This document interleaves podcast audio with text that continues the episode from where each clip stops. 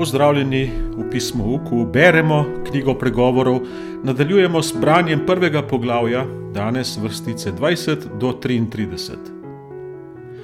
Modrost se oglaša zunaj na trgih, povzdiguje svoj glas na stekališču ulic, kliče na vhodih, pri mestnih vratih, izreka svoje izreke. Doklej boste prostaki ljubili prostaštvo? Posmehljivci ljubijo posmeh, norci sovražijo spoznanje. Obrnite se k mojemu opominu, glejte, točila vam bom svojega duha, razodevala vam bom svoje besede. Ker sem klicala, pa ste se branili, iztezala svojo roko, pa se nihče ni zmenil, in ste zavrgli vse moje nasvete, in niste sprejeli mojega opomina, se bom tudi jaz smejala vaši pogubi, se posmehovala, ko pride vaš strah ko pride vaš strah, kakor ujma in predrvi vaša poguba, kakor vihar. Ko prideta nad vas stiska in nadloga, tedaj me bodo klicali, pa ne bom odgovarjala. Ko prneli bodo po meni, pa me ne bodo našli. Zato, ker so sovražili spoznanje in niso marali strahu gospodovega, se ne zmenili za moje nasvete, odklonili vsak moj opomin, zato bodo uživali sadove svojega ravnanja se sitili po svojih načrtih, kajti upornost bo gonobila prostake, lahko miselnost bo pokončala norce. Kdor pa mene posluša, bo prebival na varnem, miren bo in se ne bo bal hudega.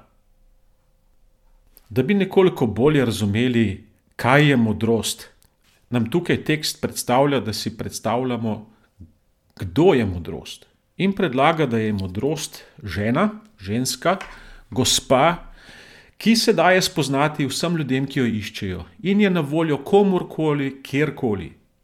Vsi jo lahko najdejo. Edino tisti je ne more najti, ki jo ne išče. Zakaj modrosti ne iščejo ljudje? Ker so prostaki, ker so primitivci, ker jih življenjska modrost ne zanima.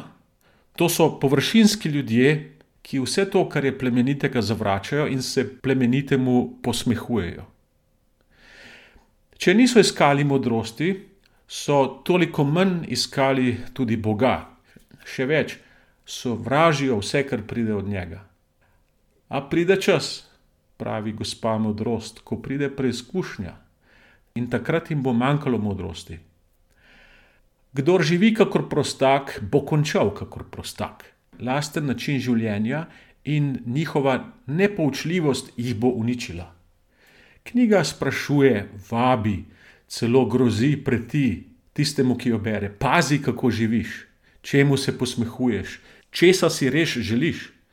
To namreč uravnava pot in potek tvojega življenja. Gospa modrost ti kliče, da iščeš njo in s tem pravega odnosa z Bogom. Ni je varnejše poti. Kako veš, če si prostak? Če si posmehljiv, če si neučljiv, če se ti zdi vse brez veze, zametuješ na svet, se ti ne da nič dopovedati, si uporen brez razloga in lahko mislen.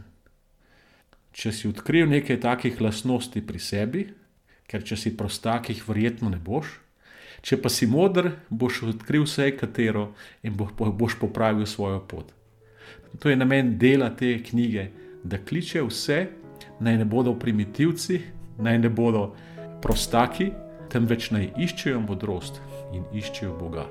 Takrat jim bo življenje teklo drugače. Kako je tebe nagovoril ta del knjige?